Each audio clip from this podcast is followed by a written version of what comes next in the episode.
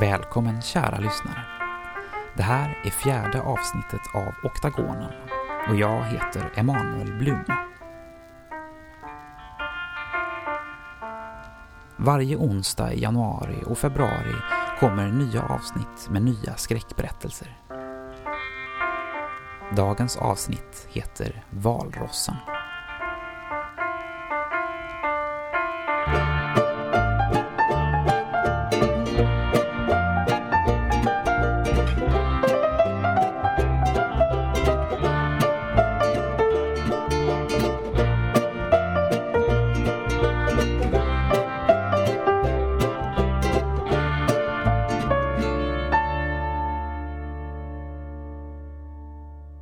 Det har blivit onsdag igen. Gunnar har stått vid fönstret i flera timmar och stirrat ut i mörkret.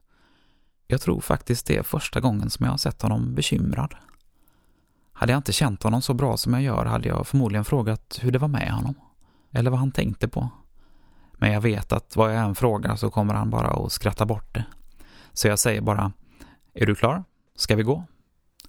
Han nickar långsamt.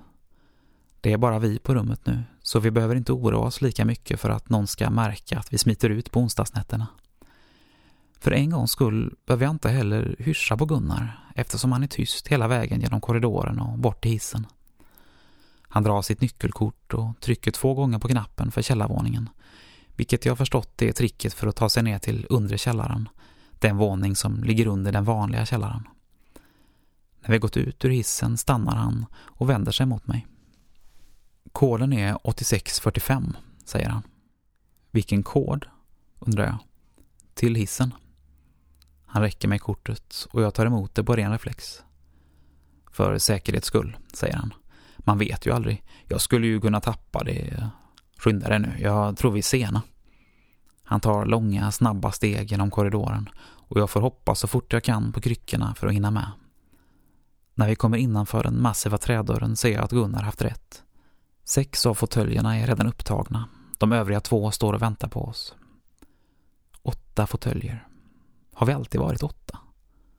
Några tittar upp när vi kommer inskyndande. Kristina vinkar. Sätt dig du, säger Gunnar medan han stänger dörren. Du då? undrar jag. Gunnar gör en gest mot lampknappen.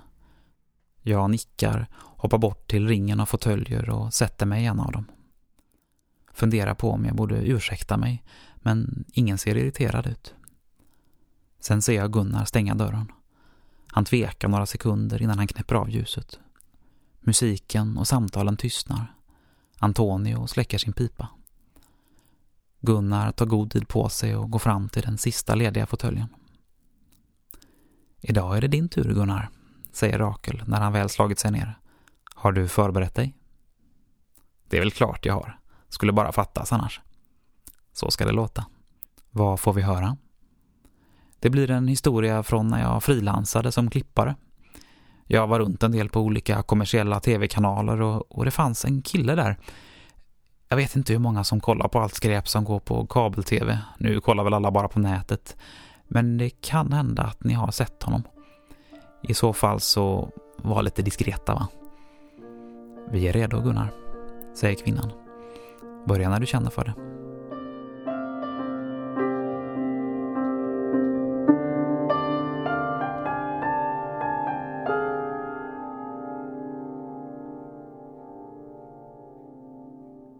Skivomslagen låg utspridda över skrivbordet framför honom. Där fanns Abbey Road, Let It Be, Help och Magical Mystery Tour. Till och med det namnlösa vita albumet hade han lyckats få tag på. Men skivan som intresserade honom mest var Sgt. Peppers Lonely Hearts Club Band. Han förde förstoringsglaset fram och tillbaka över bilden på omslaget innan han till slut stannade vid dockan i nedre högra hörnet. Den satt i en stol eller fåtölj och på dess ena ben låg leksaksbilen som skulle föreställa Paul McCartneys vita Aston Martin. Vid dockans höft låg en rödfläckad bilhandske. Han stirrade på den genom förstoringsglaset och kände håren på armarna resa sig när han insåg att dockan inte alls satt i en stol utan i någons knä. En person iklädd en blodig bilhandske och med ansiktet dolt bakom dockans huvudbonad.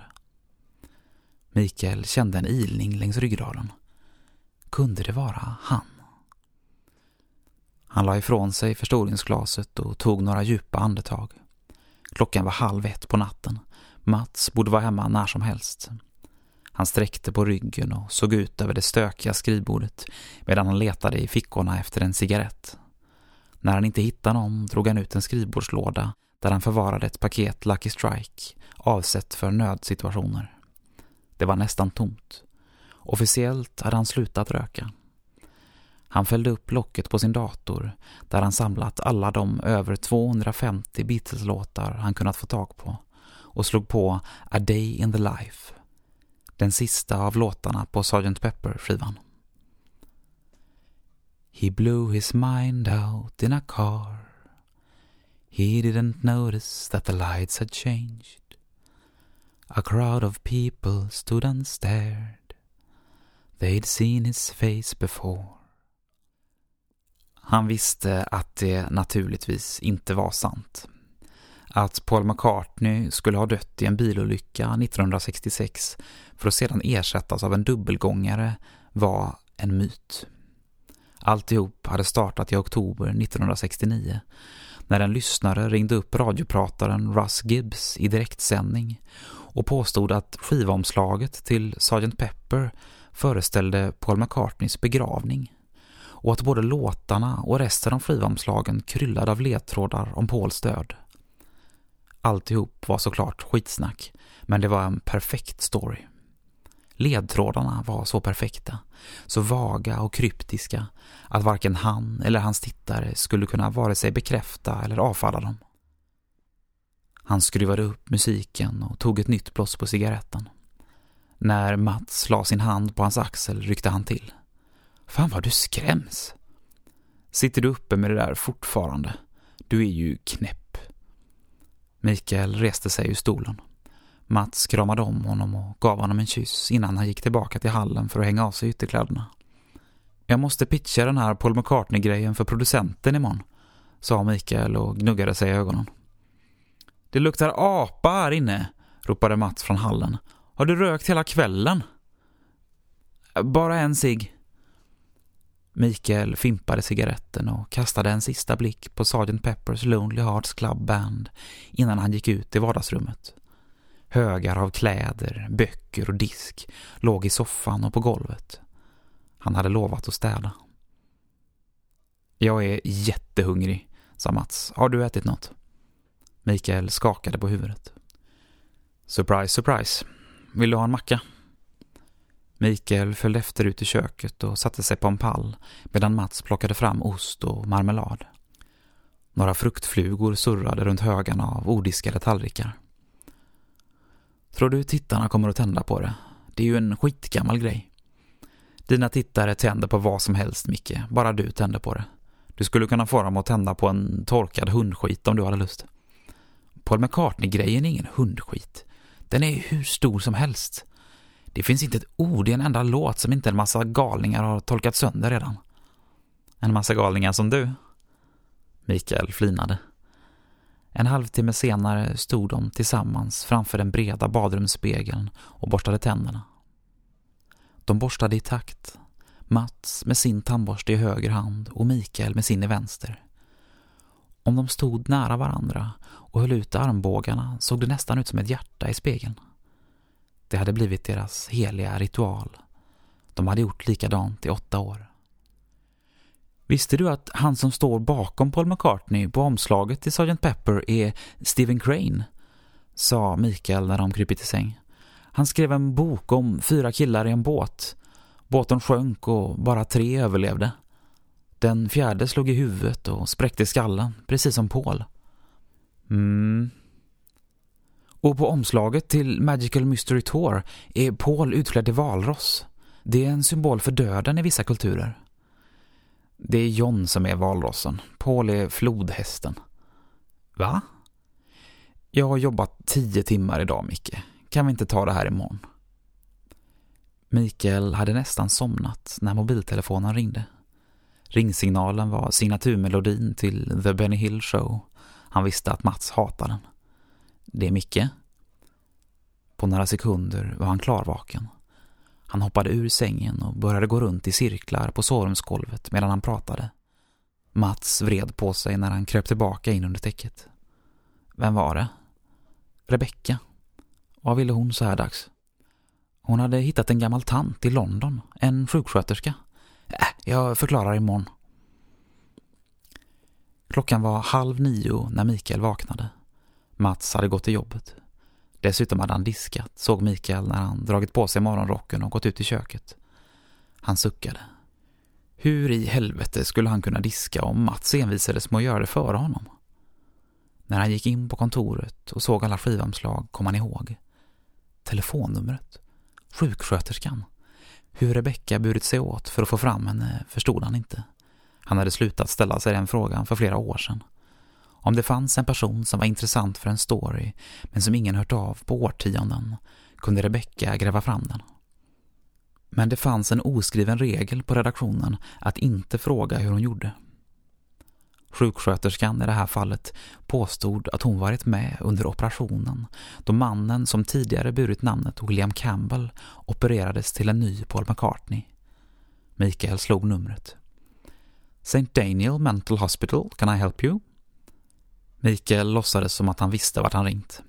Han sneglade på sina anteckningar och bad att få tala med Sarah Normington.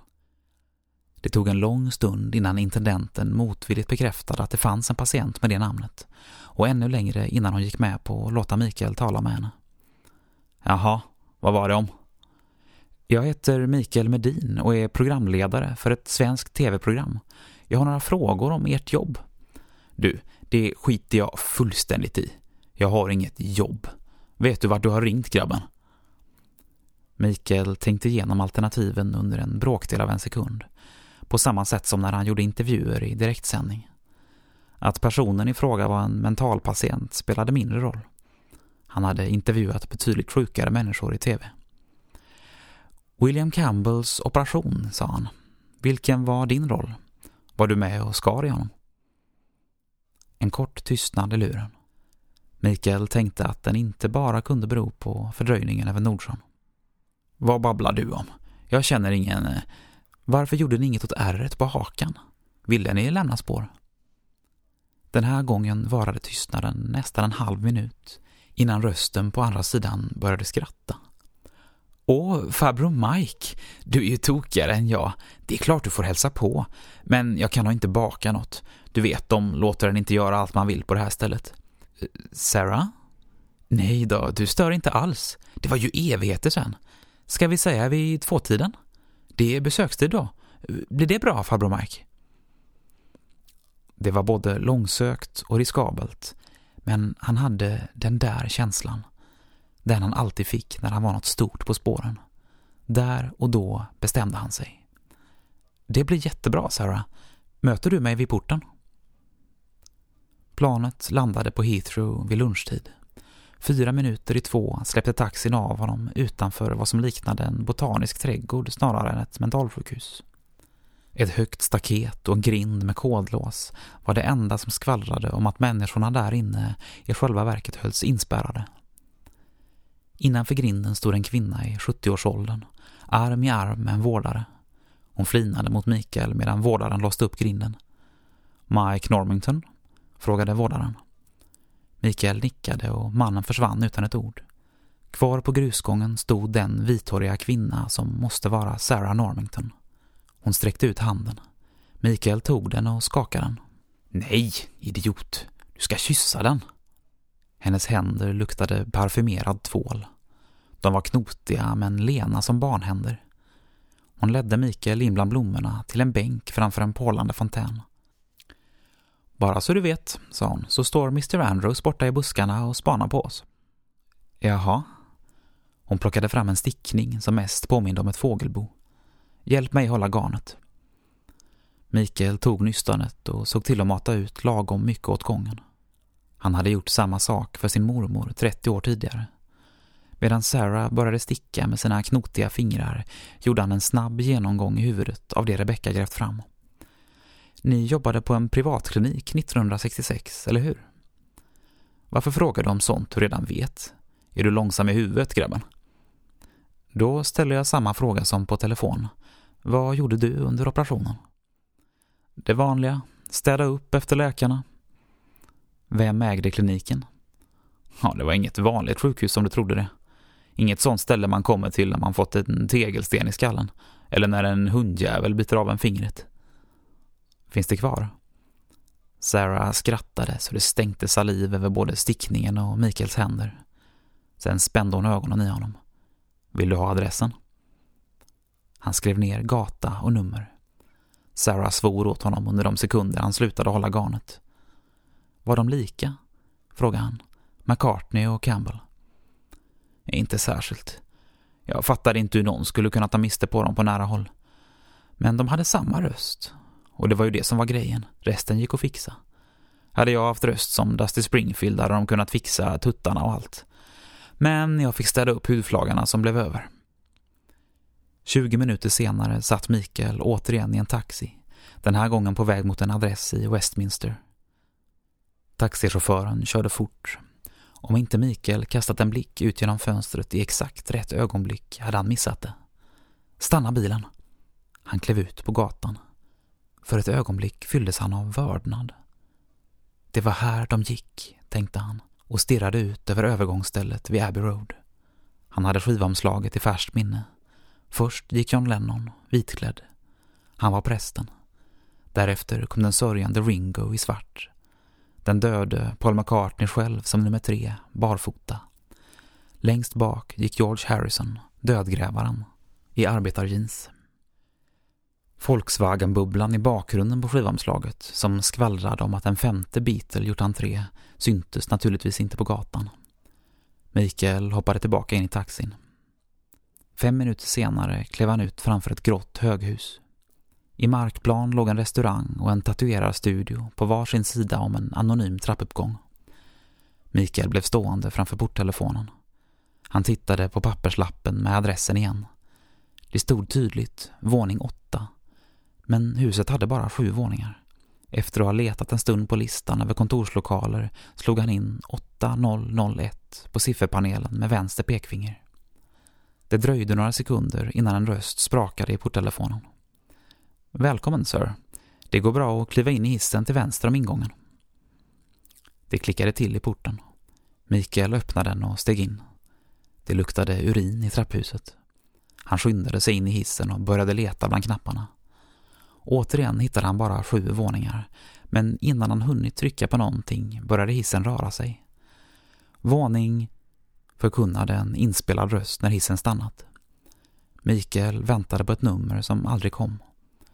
Hissdörren gled upp automatiskt och blottade ett litet rum med två fåtöljer och ett litet glasbord. På bordet stod en svart askkopp. Det var inte alls den typen av rum man förväntar sig att komma in i när man kliver ur en hiss. På väggarna hängde stora oljemålningar i guldramar och i taket snurrade en fläkt. En dörr gled upp och en man i kostym kom in i rummet. Han log mot Mikael och sträckte fram handen. Varsågod och slå er ner, mister. Jag tror inte jag uppfattade ert namn. Mikael tog hans hand. Han kände sig ovårdad och illa klädd. Kostymen mannen bar var av ett slag som man sällan ser om man inte umgås med generaldirektörer och internationella politiker. Mikael öppnade munnen för att presentera sig som Mikael Medin, men hejdade sig. Jag skulle föredra att inte använda mitt namn ännu, sa han och slog sig ner i fåtöljen. Det förstår jag. Våra klienter har ofta orsaker att inte göra det och det är i regel mycket klokt. Får jag bjuda på en cigarett? Mikael kände sig lugnare redan efter första blåset. Smaken var mycket speciell. Det måste vara ett dyrt märke, tänkte han och lutade sig bakåt. Hade han tur skulle mannen uppfatta honom som en världsvan excentriker. Han tog ytterligare ett djupt blås. Förklara för mig varför jag skulle anlita er, bad han.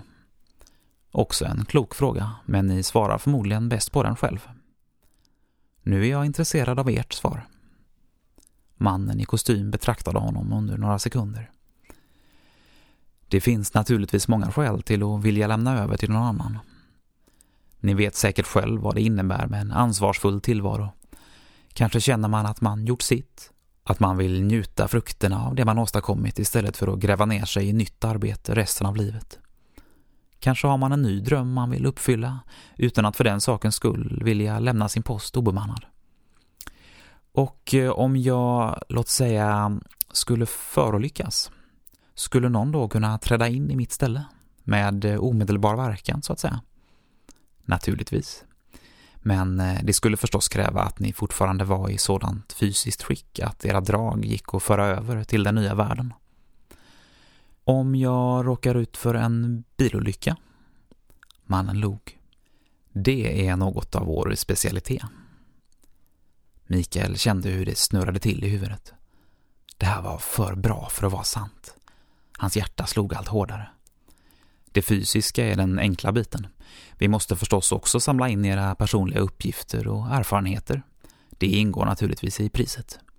Så bra, så bra. Mikael tog ett nytt blås på cigaretten. Yrseln hade inte gått över.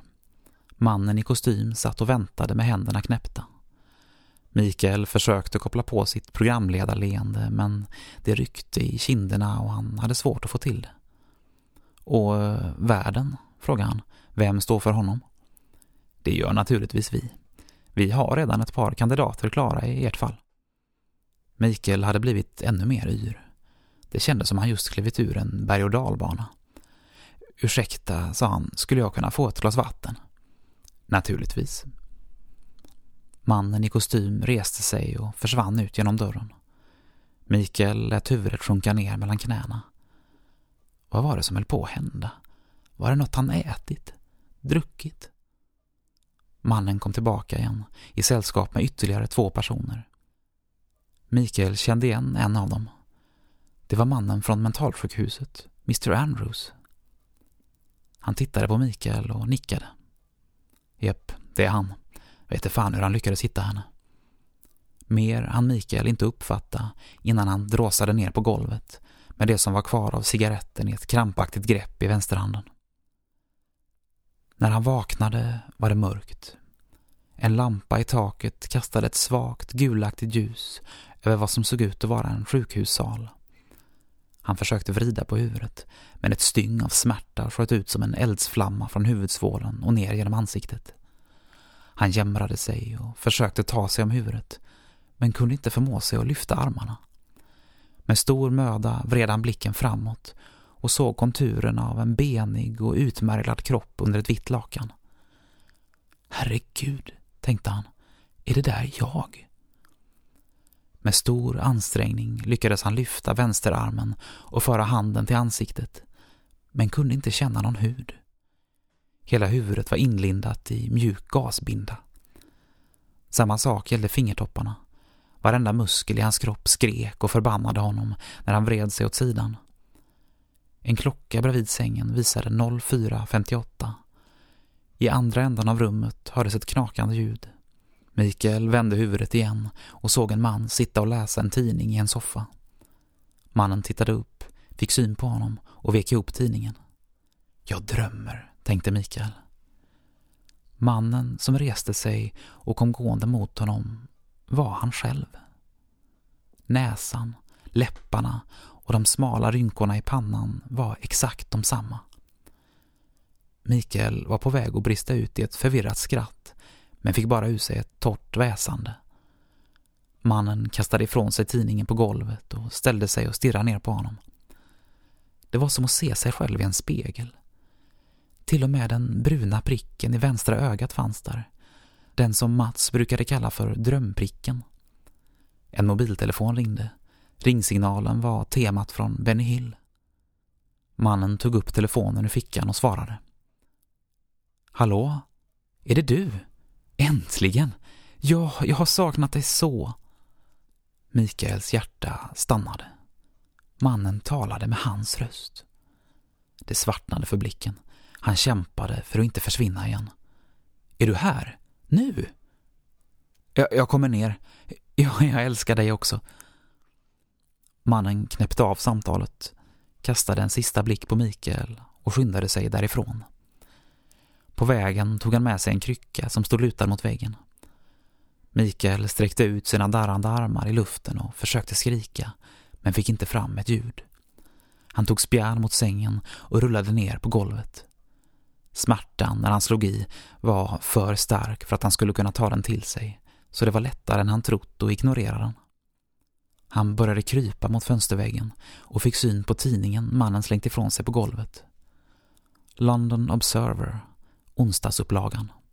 Datumet var två veckor efter att han tagit planet till London. Framme vid fönstret använde han sina sista krafter för att resa sig upp. När han tog tag med händerna om fönsterbrädet lossnade två av tygbitarna runt hans fingertoppar. Under dem fanns ingen hud kvar. Med en väsning lyckades han häva sig upp och lägga armbågarna mot fönsterbrädet. Utanför var solen precis på väg att gå upp vid horisonten och parkeringen nedanför fönstret var täckt av ett gråaktigt dis. En taxi stod och väntade med påslagna strålkastare. Mikael hävde upp ett rop som inte blev mer än en väsning när han såg Mats kliva ur baksätet, springa över parkeringen och kasta sig i armarna på mannen med krycka som precis klivit ut ur porten. Mikael pressade sina hudlösa fingrar mot fönsterglaset när han såg dem kyssas. Ett plötsligt stick i nacken fick honom att jämra sig. Han såg sig om och han uppfattade en sjuksköterska med en spruta i handen innan synfältet krympte ihop och benen vek sig under honom.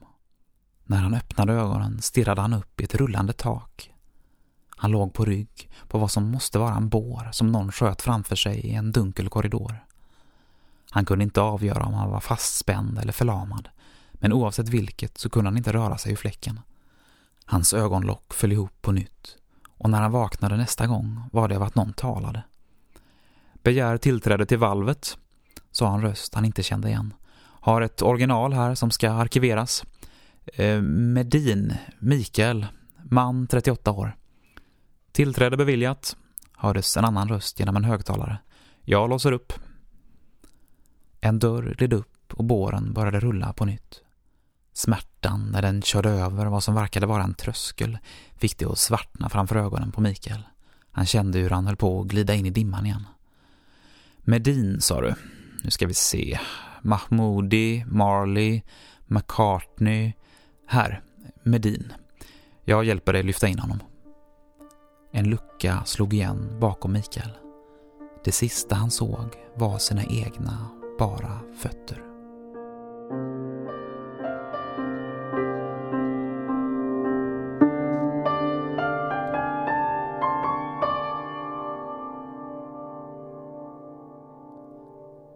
Det är Kristina som hjälper mig i fåtöljen när Gunnar är klar. Det räcker med ett enkelt handtag den här gången. Mitt ben har blivit mycket bättre sedan förra veckan. Däremot tar det en liten stund innan jag förstår att Gunnar inte tänker följa med upp. Han blir sittande vid bordet, mitt emot Rakel. Mellan dem ligger den stora anteckningsboken uppslagen. Gunnar tittar mot mig och mimar något som ser ut som ”Vi ses”. Det är med en lätt känsla av obehag jag lämnar oktagonen och stänger den tunga trädörren efter mig.